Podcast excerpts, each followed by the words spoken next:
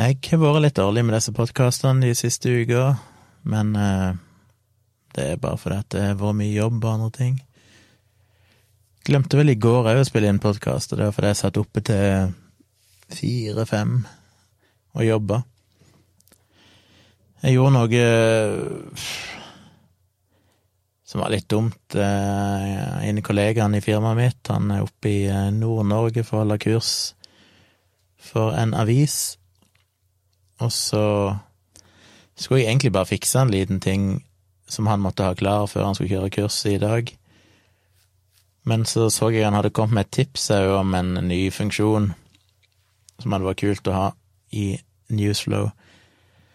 Og når jeg ser sånt, så blir jeg alltid like gira og tenker ja, jeg må finne ut hvordan jeg kan løse det.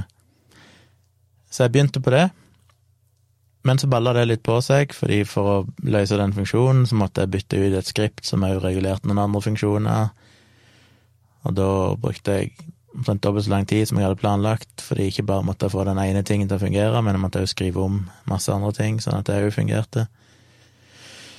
Og tida gikk. Og så var jeg dum nok til å Når du driver og koder og sånn, så folk som hører programmerer, hører på meg nå, river ut håret sitt, men du har en sånn versjoneringssystem der du jobber med koden, og så kan du på en måte splitte ut en branch, som det heter, der du kan jobbe med koden parallelt. Sånn at hvis du skal begynne å jobbe med en ny feature eller en ny større oppdatering, eller et eller annet sånt, så kan du gjøre det i en annen branch, men du kan fortsette å jobbe i den hovedbransjen med mer sånn småting og Så teknisk sett så bør en jo alltid splitte ut en ny branch når du skal gjøre noe, uansett hvor smått det er.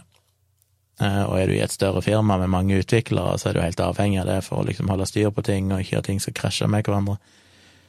Når du er ferdig med den branchen, så kan du da merge den, altså blande, eller ja Eh, Hva heter det? Merge? To merge? Hva er det på norsk? Blande sammen, holdt jeg på å si. Tilbake igjen i den hovedbranchen, da, der liksom hovedkoden ligger. Eh, Men jeg er jo egentlig eneste utvikler for tida, så jeg, det er ikke så nøye hvordan jeg gjør det, egentlig. Um, problemet er jo bare det hvis ikke du splitter den ut i en ny branch, og et eller annet går til helsike, eller du oppdager at oi, her var det mer arbeid enn jeg hadde tenkt, så er det ikke alltid så lett å gå tilbake igjen og på en måte nullstille det du har gjort. Eller du vil iallfall normalt ikke. Og det er en måte å løse det på. Du kan, eh, etter du har begynt å jobbe, så kan du òg gå og splitte det ut i en ny branch og sånn, men, men jeg var så godt i gang, så jeg tenkte bare jeg må bare bli ferdig med dette. Og på et eller annet tidspunkt så rulla det ut i produksjon, men så oppdaga jeg at det var noen små ting som måtte fikses, og da kunne jeg på en måte ikke ikke fikse det, for da ville jo det bli oppdaga på morgenen når folk begynte å komme på jobb og sånn, Eh, og kunder begynte, eller folk begynte å lese avisene. Så du blir litt sånn fanga når du først har rulla ut noe, så må du bare fullføre det. Så jeg ble sittende ganske lenge, da. Og da ble det ikke noen podkast. Men det er jo sånne ting jeg liker å jobbe med. Jeg jobber jo ofte best på nettene. Da føler jeg liksom jeg kan være in the zone. Det er ingen andre forpliktelser, det er ingen som maser på meg. Jeg kan bare sitte her i min lille hule og jobbe og fokusere på én ting. Og det ble jo ganske kult, så det rulla ut og ferdig. Og det er alltid godt å ha gjort noe sånt. Men da ble det ikke noen podkast. I dag så um, Så jeg Så sover jeg jo litt lenge, da, på grunn av dette her. At jeg ikke la meg så veldig tidlig. Men så har jeg jobba litt videre i dag. Og så reiste Tone uten tur. Og så var jeg aleine hjemme. Gikk en litt lengre tur med hunden. Gikk og shoppa. Litt dagligvare. Lagde meg en middag. Så satt jeg og så på YouTube, og det kosa meg jo med. Være aleine hjemme og bare kunne se på det jeg vil, og nyte tilværelsen. Men så fikk jeg en eh, melding av Wasim Sahid. Eh, han sendte en screenshot av en kommentar som noen hadde han er vel tippe, Jeg vet ikke konteksten, jeg vil tippe han har jo lagt ut et bilde av seg sjøl nylig der han får influensavaksinen som en sånn oppfordring til andre om å ta vaksinen. Og så er det sikkert noen som har kommentert under der. Og da var det ei som hadde skrevet noe sånt som Ja, jeg kan jo lese det. Det var en screenshot av ei som sa Nei takk, jobber i helsevesenet selv, men har fått influensa hvert år uansett om jeg har tatt den. Farfaren min ble skikkelig syk, så vi skal ikke ha den. Og så sier Wasim da at hun jobber jo, hun er jo sykepleier, Og det er så deprimerende når du ser folk som jobber i helsevesenet og er sykepleiere eller noe annet, som klarer å, å ha så lite kunnskap om temaet. Det er litt vanskelig å vite hva hun insinuerer, om hun insinuerer at hun har fått influensa av vaksinen, eller at vaksinen ikke virker for hun har fått influensa selv om hun er vaksinert. Eh, eller om hun mener at det ikke er noe vits å ta vaksinen, for hun får influensa uansett, så Nei, hun skriver uansett om jeg har tatt den, ja. Men òg at farfaren ble skikkelig sjuk, som jeg da innbiller meg at ja, som kan både bety at hun mener han ble sjuk av vaksinen, eller ble sjuk på tross av vaksinen. Men når jeg hører sånt, så så bare begynner det å koke i hodet mitt av alle sånn 'Å, jeg skulle likt å forklart henne ditten og datten', og Og så er det frustrerende å tenke at hun er faktisk utdanna sykepleier, og har egentlig ikke tydeligvis lært noen ting om dette her. Så da plutselig så bare tenkte jeg nei, shit, jeg må ha en liten rant om dette. Og så fant jeg ut jeg skulle bare livestreame en rant, bare sånn spontant. Så klokka ni eller noe sånt så la jeg ut en Eller var egentlig tenkt å gjøre det klokka ni, men det ble ikke før ti, for jeg fikk en telefon som jeg måtte ta av eh, mor til dattera mi måtte prate om noe greier. Så jeg ble litt forsinka, så satt jeg og lagde en thumbnail til den livestreamen, som ble ganske dårlig, men måtte bare lage den i full fart. Eh, så rundt halv ti så fikk jeg lagt ut oppretta livestreamen, så den lå liksom klar. Og da vil den jo dukke opp for folk på, nei, på YouTube og sånn òg, at eh, klokka ti begynner en livestream, så det er alltid lurt å legge ut livestreamen litt tidlig, for da kan tilfeldigvis andre se den òg, altså eventuelt få det med seg. Men så delte jeg det på Facebook og Twitter og bare sa klokka ti kjører jeg en livestream. Eh, jeg gjorde det på en måte som en del av Tomprat, jeg kalte det vel Tomprat episode 108, som jeg merker nå blir litt feil, så jeg tror jeg må kalle denne episoden for 109, eh, fordi videoen ble egentlig Tomprat 108. Det er jo greit, for det blir på en måte da gårsdagens episode som ikke jeg ga ut, det ble en videostream istedenfor. Så jeg gjorde egentlig det bare fordi at eh, jeg får lyst til å si noe om et sånt tema, så er det jo fristende å lage en video. Men det er mye jobb å lage en video. Med en gang jeg skal lage en video, så setter jeg terskelen så mye høyere. Da tenker jeg at eh, det må liksom kort og konsist, jeg må ha lys, jeg må gjøre det spennende, jeg må redigere det, jeg må legge på informasjon og bilder og sånn på videoen, og, uh, og det tenkte jeg, det har jeg ikke tid til. Men hvis jeg bare livestreamer det, så trenger du på en måte ikke tenke på noe sånt. Da er det bare å skru på kameraet, starte streamen, og så sitte og prate. Og så er det ikke noe redigering etterpå, for når du har gjort det, så ligger det ute, og det er ferdig. Det blir jo selvfølgelig en litt annen type video. Men jeg er jo glad for alt som senker terskelen min for å lage et eller annet innhold. Eh, så det ble en livestream. Jeg har posta den på Patron, som dere kanskje har sett, så dere kan jo se den. Den blir jo liggende ute på YouTube som en vanlig video, så folk kan jo se den når som helst. Men det var litt gøy. Ehm, jeg tenkte jo selvfølgelig jeg skulle snakke i 15-20 minutter, det ble jo selvfølgelig 45 minutter eller noe sånt, for det er mye å gå igjennom. Men ehm, ja. Det er sikkert noe jeg kommer til å gjøre mer av. Det er jo litt det jeg har gjort når jeg har filma et par sånne tomprat-episoder tidligere òg. En enkel måte å lage YouTube-videoer på, det er bare å livestreame det. Eller de tompratene er jo ikke livestreama, jeg har bare spilt inn med video, men det er litt samme opplegg, da. Jeg redigerer de egentlig ikke etterpå, hvis ikke jeg må fikse et eller annet. Så ja, det kommer jeg nok til å gjøre mer av. Så sjekk ut den, og del den gjerne, i den grad det er mulig å dele den, for det er før livestreamen, som sagt, sånn i halv ti-tida, så lager jeg ut en link og sa klokka ti begynner livestream. Eh, etter livestreamen var ferdig, så delte jeg den på nytt, og skrev at eh, jeg hadde gjennomført en livestream og litt om hvilke ting jeg hadde snakka om og sånn. Delte den på Facebook. Og ikke så lenge etter jeg hadde delt den, så kom det plutselig en notification fra Facebook om at den hadde blitt merka som spam. Facebook hadde identifisert dette som spam. Og da blir jeg litt usikker, det var litt lite informasjon, men det sto noe om at eh, det betyr at ingen andre, ingen andre kan dele den posten min med den videoen. Så han blir stående synlig, tror jeg, men det går ikke an å dele han, visstnok. Og det er jo litt irriterende, og jeg vet ikke hvorfor, det er det som er problemet med Google og Facebook og alt sånn, at du får sjelden noe informasjon, de bare tar en avgjørelse, og så sitter du der litt og tenker ok, hva, hva gjorde jeg galt? Jeg vil jo mistenke at det er fordi jeg eh, skriver om vaksine, influensa, et eller annet sånt, i eh, teksten til videoen, og at de er veldig strenge på det nå, med rette. Veldig strenge på å slå ned på desinformasjon om vaksiner, og i disse koronatider spesielt. Det merker jeg jo òg når jeg eh, Ja, hva var det? Jo, det var vel når jeg delte på Instagram, så delte jeg jo bare en sånn enkel screenshot av de tre bloggpostene jeg nylig skrev. Og da kalte det jo for eh, korona og vaksiner, eller noe sånt, og så hadde de hver del en tittel. Når jeg delte de på, på Instagram, så kom de automatisk opp en sånn tag under, der det sto 'Trenger du mer informasjon om covid-19? Gå til hjemmesidene til eh, fhi.no'. Og jeg fikk en advarsel når jeg prøvde å dekke, eller dele de, eller iallfall ikke advarsel, men informasjon iallfall om at vi ser at du skriver om eh, korona, derfor vil det komme en sånn eh, egen sånn banner under bildet ditt med at folk skal gå til Folkehelseinstituttet for å få korrekt informasjon. Så jeg er litt usikker på om det var det som skjedde her òg, at jeg nevnte vaksine og influensa, og at de derfor har en veldig lav terskel, at det får eh, kunstig intelligensen, algoritmene til Facebook, til å gå bananer, så tenker at oi, her må vi være på vakt. Og det syns jeg jo i utgangspunktet er en god ting.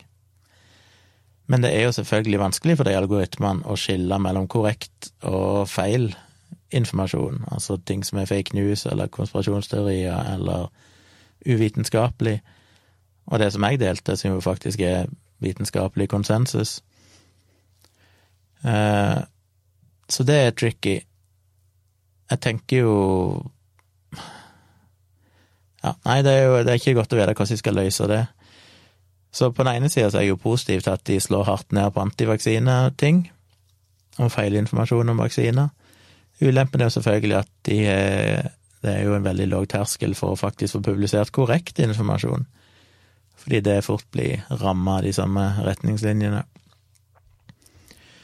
Så jeg fikk egentlig to valg som poppa opp. Jeg kunne enten si meg uenig i avgjørelsen, eller jeg kunne velge at kontoen min er blitt hacka, hjelp meg med dette, i tilfelle det var noen andre som hadde posta denne fæle greia på kontoen min. Så jeg kryssa av for 'jeg er uenig i avgjørelsen', og så trykte jeg 'fortsett'. Og så fikk jeg bare beskjed om at eh, takk, da vet vi at du er uenig, og vi skal ta det med oss videre ja, framover når vi vurderer sånne ting. Men jeg aner ikke om det hadde noen påvirkning, om det betyr at noen mennesker kommer til å faktisk sjekke den posten, og sjekke om det faktisk er noe som ikke er greit. Eh, det vet jeg ikke. Jeg fikk liksom ikke noe mer informasjon om det, så jeg vet ikke egentlig hva som er status. Så jeg får sikkert ikke delt den der YouTube-linken mer på Facebook. Eh, ingen andre får delt den heller. Så det er jo litt kjipt når det faktisk er det jeg vil anse som viktig og korrekt og nyttig informasjon for folk flest. Så skal jeg dele den, så må jeg i så fall gjøre det mer sneaky. Jeg må bare dele en tekst, og så må jeg heller bare si at gå inn på kanalen min, jeg vet ikke om jeg kan nevne ordet YouTube engang, eh, og sjekke den ut der, uten at jeg kan lenke direkte til den. Så ja, det er litt nedtur. Ikke at det er så jækla mye å si, for når jeg deler ting på Facebook og sånn, så får det jo ingen utbredelse i det hele tatt. Det er jo helt dødt. Så det er ikke det viktigste for meg, egentlig. Det er jo ikke, som jeg har sagt tidligere, jeg har jo gitt litt opp og lage videoer for å få masse views. Så det blir jo mer bare å, å gjøre folk oppmerksom på det og håpe at noen ser han. Men mest av alt er jeg jo interessert i at han ligger på YouTube, og han kan dukke opp hos andre. Og hvis folk søker på Google og sånn etter vaksineinfluensa, så kan det være de får opp den videoen min da som et søkeresultat. Så over tid så håper jeg jo folk en del får sett den. Men sjekk den gjerne ut. Hvis noen av dere prøver å dele den på Facebook og får en feilmelding eller noe sånt, gi meg gjerne beskjed. Jeg er veldig spent på hva som skjer når andre prøver å dele den, om det er noe sånn sperre nå for det. Eh, men om ikke det går på Facebook, så går det an å dele den på Twitter og andre plasser. Send den til folk som eventuelt har som dere har hørt tro på eller sagt noen av de tingene om influensa, for eksempel at du kan bli sjuk av vaksinen, eller at vaksinen ikke virker, eller noe sånt. Jeg bruker jo første kvarter eller sånn på å forklare hvordan vaksiner faktisk virker. Hvordan de virker i kroppen, som er hensikten med en vaksine. Litt mer sånn generell vaksineinformasjon. Før jeg går over på seks-sju myter om influensavaksinen. Så det var det jeg hadde gjort i dag. Et, ja. I tillegg så um, har jeg gjenopptatt tråden med litt sånn modellshoots, for nå har jeg på en måte hatt noen som dere har sett og hørt om, redigert ferdig, lagt ut, oppdatert hjemmesida mi. Litt ferdig med det. Tenkte nå må jeg gjøre noe mer. Um, så som jeg sa tidligere, at når jeg først posta på ei sånn fotografgruppe på Facebook om at jeg søkte modeller, så fikk jeg jo veldig mange. Uh, så jeg hadde jo, hva var det, 13-14 stykk. Jeg har tatt bilde av tre av de, pluss at ei dukker opp ut av det blå utenom det. Og så kom det ei annen ei i går som posta inne på ei av de gruppene, som var gravid. Ei dame som var gravid og lurte på om noen som ville ta noen sånn gravidbilder av henne. Så tenkte jeg jeg vil ha mest mulig forskjellige utfordringer. Eh, så jeg sendte en melding og var litt usikker, for det var veldig mange jeg kom litt seint til bordet der det var mange andre som hadde kommentert det unna sa ja, jeg vil, jeg har sendt deg DM. Det var ei lang rekke med fotografer, noen vet jeg hvem er og er flinke folk. Så jeg kom litt sånn seint og tenkte det er sikkert ikke vits i, men jeg bare skrev en melding til henne og sa at jeg syntes det hørtes spennende ut. Så jeg opererte med en eh, kontrakt og sånn, så hun kunne føle seg trygg, og mm, ga henne link til hjemmesida mi, så hun kunne sjekke ut bildene mine. Og så sendt, skrev jeg en kommentar og bare sa at jeg hadde sendt henne en DM. Det er litt lurt å skrive, for de havner jo sannsynligvis i spamfilteret hennes, på seg, på Facebook når ikke vi er venner. Eh, så fikk jeg faktisk med svar ifra et par timer seinere hun sa at eh, hei, hun hadde sett på bildene mine, og syntes de var kjempefine, og ville gjerne ta bilder med meg. Så jeg er veldig spent da, om hun har bare valgt meg, eller om hun har valgt mange. Hvis hun har bare valgt meg, så føler jeg meg litt bedre, da, siden jeg vet at det var en del andre proffe fotografer som hadde kontakta henne før meg. Det må i så fall bety at hun likte bildene mine, og det er jo hyggelig. Men hun er jo Hun har jo termin om eh, bare to-tre uker.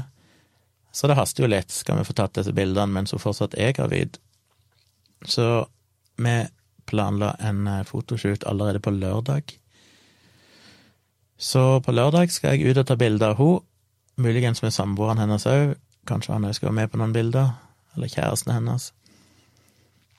Jeg aner ikke hvem de er, men uh, Og det er jo skummelt hver gang. Jeg er sånn shit, hva, er jeg i stand til dette her? Hvem er det jeg tror jeg er, liksom? Så skal komme og ta bilde av dem. Men det er jo eneste måten å bli bedre på, er jo bare å tenke at ok, dette kan jeg ikke, men uh, skal jeg lære det, så må jeg bare gjøre det. Så det blir jo spennende. Får prøve det. Men det er jo alltid like vanskelig når de spør liksom, ja, hvor vil du ta bilde hen. Eh, så er det sånn, tenker åh, hvor, hvor skal vi møtes? Det er en sånn blanding av Vil egentlig ha en plass det ikke er altfor mye folk. Vil òg ha en plass som er mulig for meg å komme til enkelt. Jeg har jo ikke bil og sånn, så det er litt sånn eh, Tenker litt praktisk. Eh, og så må det være plass jeg tror ser bra ut.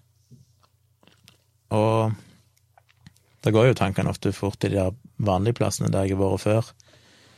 Jeg googla litt på nettet for å google sånne fine locations for fotografi i Oslo. Og det var en del sånn diskusjonsforum og sånn, der folk hadde diskutert dette, og det kom masse tips.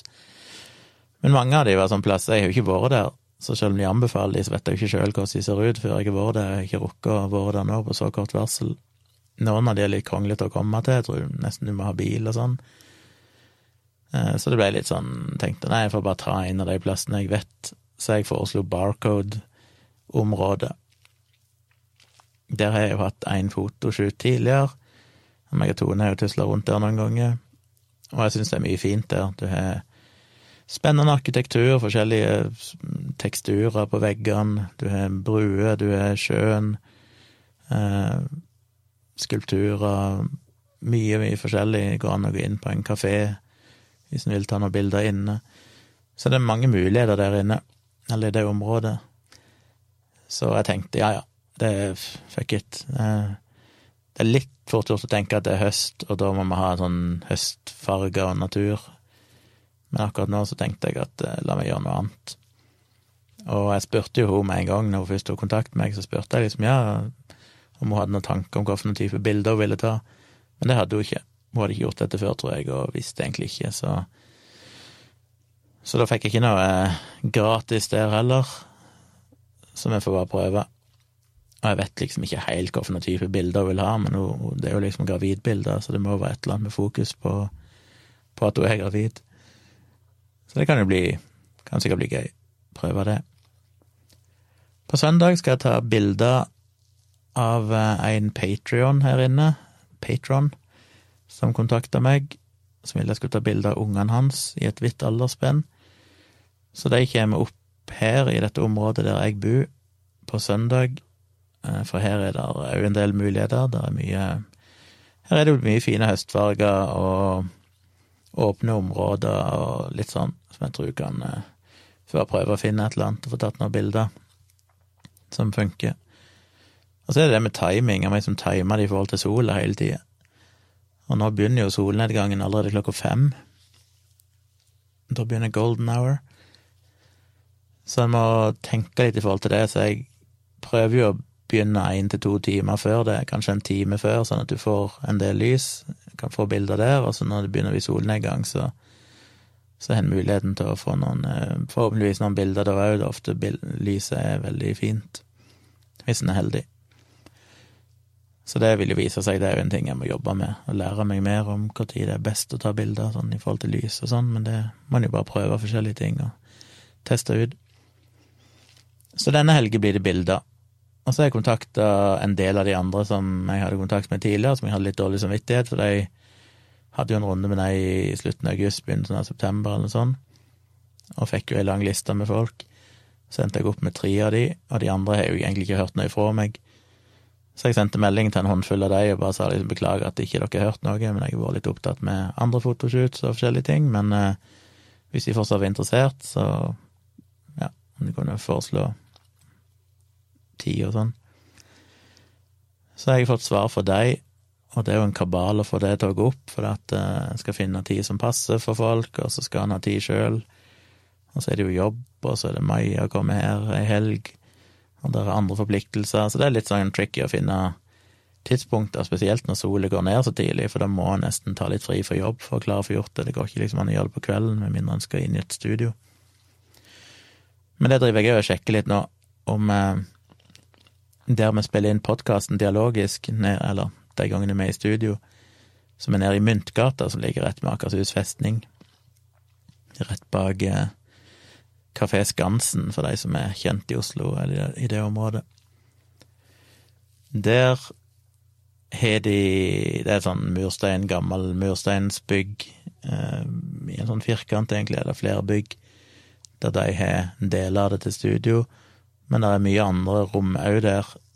Så jeg sendte en melding i dag til han sjefen i Moderne Media og bare spurte om eh, han visste om det var noen rom der som var ledige, som jeg kanskje kunne låne i noen timer i ny og ne hvis jeg trenger å ta en fotoshoot, for jeg trenger jo egentlig bare et tomt rom som er noenlunde sentralt, og så kan jeg bare slenge opp Jeg har sånn bakgrunn jeg kan slenge opp, så jeg får en fin bakgrunn, og så et par blitser og sånne ting. Pluss at det ligger jo rett på siden av Akershus festning, der jeg har tatt en del av de modellbildene mine. Sånn at det er lett å gå ut og ta bilder ute der. Mye fint i området der. Alt ifra jo rett med Ikke langt ifra Aker Brygge og sånn, ut mot sjøen. Så det er jo sjøen der, du har grønne plener, du har tre og blomster og murvegger fra festningen og mye forskjellig. Så det gir en del muligheter. Det hadde vært kult å å få til en eller annen slags avtale at jeg kunne bruke et rom der nede, så de gangene jeg skal ha fotoshoots og trenger å gjøre noe inne med blits og litt mer sånn forseggjort, så vet jeg at jeg har et rom for det. Kan liksom ikke invitere de hjem til meg i stua og prøve å Jeg har jo tatt bilde av eksen min, som dere så, og, og Tone sånn her, men det er litt sånn kjipt å dra inn fremmede folk og begynne å styre i når det er dårlig plass, å flytte på bord og stoler og prøve å få til et eller annet provisorisk studio her inne. Så vi får se, men det ser ut til at jeg kommer til å satse på å få en del fotoshoots framover. Og så er jo spørsmålet hvor lenge jeg skal drive på med det, med sånn gratis. Jeg har jo lyst til å ha enda litt flere forskjellige personer i portfolioen min. Litt forskjellige typer bilder. Som sagt, nå får jeg jo gravidbilder, jeg får bilder av disse ungene, familiebilder. Eh, så det begynner å bli litt variasjon. Hun ene som eh, kontakta meg. Hun var jo for øvrig en lytter dialogisk, så hun visste hvem jeg var, men hun så jeg på Facebook-profilen og hun drev med sprangridning eller noe sånt. Så jeg spurte hun om det var mulig å ta bilde av hun med hestene, og det hadde hun lyst til. De er jo ute med i Vinterbro, som er ute med Tusenfryd der. Men det skal jo være mulig. Eh, det går jo buss ut til Tusenfryd, så det går an å ta en buss ut der en dag, og så møte henne. Så mulig vi skal gjøre det om et par uker, i helg da, muligens 1. november. At jeg stikker ut der og prøver å få tatt noen bilder av henne med hester. Som òg blir en, eh, en liten variasjon. Jeg vil ikke liksom bare ha sånne klassiske modellbilder. Jeg vil jo ha litt forskjellig. Men når jeg har begynt å, når jeg har hatt noen flere sånne shoots nå etter hvert, så begynner jeg å føle at jeg har nok variasjon til at jeg kan på en måte vise fram den porteføljen og si ok, dette er det jeg kan, og så begynne å vurdere å ta betalt. For jeg føler jo bildene mine er gode nok. Eh, jeg har jo sett Jeg mener Jeg husker ikke om jeg sa det tidligere, men dattera mi begynte i åttende klasse i høst og hadde sånn eh, skolefotografering. Så fikk vi jo tilsendt bildene, og mm, ja, så kan du kjøpe de da og laste de ned digitalt. Så vi gjorde det, meg og mor hennes, og så så jeg gjennom bildene etterpå. Eh, fine bilder av hun, veldig sånn klassiske skolebilder. Men det er jo helt fascinerende at bildene er jo ikke redigert i det hele tatt. Det er til og med liksom prikker på bildene ifra støv på objektiv, altså på linser, som ikke er fjerna. Så det er jo basically at de bare tar inn en, knipser en del bilder, neste knipser en del bilder, og så basically bare selger de og sier her kan dere få de som jeg aldri kunne ha gjort. Jeg skjønner at det er god butikk, for det koster jo ingenting. Det er å bare møte opp en dag, ta masse bilder, og så får du en shitload med penger for alle foreldrene som betaler for å få bildene. Men det er fuckings god timepris eh, hvis ikke du gjør noe etterarbeid. Og det hadde ikke jeg, det ville jeg aldri ha gjort. Levert for meg bilder av den kvaliteten der. Så må en selvfølgelig finne en balanse, for en kan ikke bruke altfor lang tid på det heller. Men det er jo det jeg har sagt tidligere, jobbe med og føler jeg begynner å finne en grei sånn flyt på det som gjør at det går relativt kjapt. Og iallfall når det er sånn skolebilder sånn som det, for da er det jo samme settingen på alle bildene, samme lys og samme bakgrunn. Det hadde ikke kosta mye tid, og, eller hun, jeg tror det var en mann, eh, og gjør lite grann eh, basic retusjering, og bare liksom pløye gjennom bildene med det. Nå skal jo det være ganske nøytrale bilder, så du skal jo liksom ikke drive og endre på farger og sånne ting, men, men han kunne gjort litt med, med lys og, og, på en måte kontraster, og fått bildene til å poppe litt mer, og iallfall fjerna støv på linser og sånne ting. Så det er noe med å finne den der balansen mellom hva du kan ta betalt, og hvor mye arbeid du legger i det. Jeg ser jo det som er populært, er jo gjerne før jul og sånn, at du sier at ja, men den og den dagen så kan folk melde seg på og komme inn, og så får du en halvtime, for eksempel, så tar jeg bilde av deg og familien eller ungene dine eller et eller annet sånt eh, for den og den prisen. Så betaler de bare en pris, og så får de noen bilder. Og det hadde jo vært like gøy å gjort for å teste ut det. Men igjen så er jeg avhengig av et studio, da. Hvis jeg hadde fått til det studioet der nede i Myntgata, så kunne jeg eventuelt vurdert å kjøre ut en sånn annonse på Facebook og Instagram og sånn, og sagt at folk som bor i Oslo, vil dere ha bilder? Koster så og så mye. En halvtime inn. Tar bilder av dere og av familien og whatever. Så får du bildene tilsendt en stund seinere. Og da kommer jeg til å bruke bitte grann tid iallfall på å redigere de og levere for meg ting som er av en kvalitet jeg kan stå inne for. Og det kan jo være ganske god butikk hvis du får ganske mange og kan få de inn og ut på en halvtime. Eh, så kan jo det være greit betalt. Så jeg Samtidig er det selvfølgelig ikke akkurat det jeg har mest lyst til å gjøre som foto. Jeg har jo egentlig mer lyst til å De to tingene jeg liker best, det er jo egentlig den type sånn modellshoots, portretter. Og så liker jeg òg veldig godt sånn reportasjefoto, sånn som jeg gjorde på den Sian-demonstrasjonen, og bare snike meg rundt og ta bilder. Eh, som er litt det samme som bryllup og den der tattoo conventionen jeg var på i fjor. Det er å være litt mer som flue på veggen og bare gå rundt og prøve å finne interessante øyeblikk og motiver, og, og ta dem.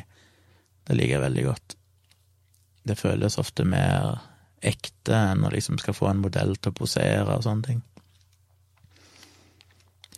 Men alt gir jo god erfaring, og en trenger jo penger òg etter hvert, så en må finne en sånn balanse mellom å gjøre noe som gir litt penger, Og eh, ja, så jeg får se om jeg får til noe sånt etter hvert. Så det var dagen min i dag. Avtalt masse modellshoots. Ikke helt spikra dato og sånn på det ennå, men eh, det kommer nok til å bli en del. Og som sagt, denne helgen så blir det bildetaking. Så det er mye å gjøre, både jobb, vitenskapsformidling, foto. Um, så jeg får bare avslutte med å si jeg håper dere vil se den lille Eller lille og lille, han ble vel 40-45 minutter. Influensavideoen min, i motsetning til influenservideoer. Og lese de tre bloggpostene jeg skrev, hvis ikke dere har gjort det. Håper de var nyttige og informative. Jeg blir jo selvfølgelig veldig glad hvis dere deler det på Facebook og andre plasser. Deler det med andre. Det trenger jeg, for det er nesten klin umulig å nå ut nå til dags. Det var så mye lettere før i tida for fem, seks, sju år siden. Hvis jeg delte noe da, så gikk det jo Ja, så var det jo så mange som delte og lika og sånne ting. Mens nå virker det bare som ingen ser det lenger. Det er jo helt Det merka jeg jo med Facebook. Det var den jævla Cambridge Analytica, Russland-innblandingen og alt det fake news som gjorde at ting ble så umulig. Jeg merker jo det i jobben min òg, for tidligere hadde jeg et sånt system i nettavisløsningen jeg lager der nyheter kunne autopubliseres på Facebook og sånn. Så når de publiserte en nyhet, så kunne de bare krysse av at denne skal jo publiseres på Facebook. Så skjedde det automatisk og havna på, på Facebook-sida til den avisen. Og så plutselig, så etter det Cambridge Analytica og alt det der greiene, når Facebook fikk mer press på seg for å stoppe fake news, så ble de jo plutselig veldig strenge. Da var det plutselig nesten ikke mulig å dele noen ting lenger. Før kunne du for eksempel dele en, en link og legge til ditt eget bilde. Det ble jo umulig, heldigvis, holdt jeg på å si, for før kunne du legge til et troverdig bilde, og så en link under som folk klikka på, som de trodde var relatert til bildet, og så havna du på et helt annet sted. Nå får du bare lov å dele en link, og så henter Facebook automatisk et av bildene som fins på den adressen som linken peker til. For eksempel et nyhetsbilde i nyhetsartikkelen. Du kan ikke liksom laste opp et valgfritt bilde. Men i tillegg så var det jo så krevende å få delt ting. Før var det bare å på en måte forholde seg til det API de hadde, altså det programmeringsgrensesnittet, og, og gjør, bare bygge det inn mot det, så funker det. Mens nå skal du gjøre det, så må du sende inn en søknad, og så må du filme en video der du viser hele prosessen, hvordan systemet ditt fungerer, og så må du forklare hvorfor du gjør dette her, og, og jeg prøvde på det gang på gang. Jeg fikk det bare avvist hver gang, for det sa, nei, du viser ikke godt nok i videoen akkurat denne delen av prosessen, så det må du gjøre på nytt. Jeg bare går opp til slutt og tenkte denne featuren bare fjerner jeg. Eh, det er jo blitt så vanskelig. Så det er jo bra.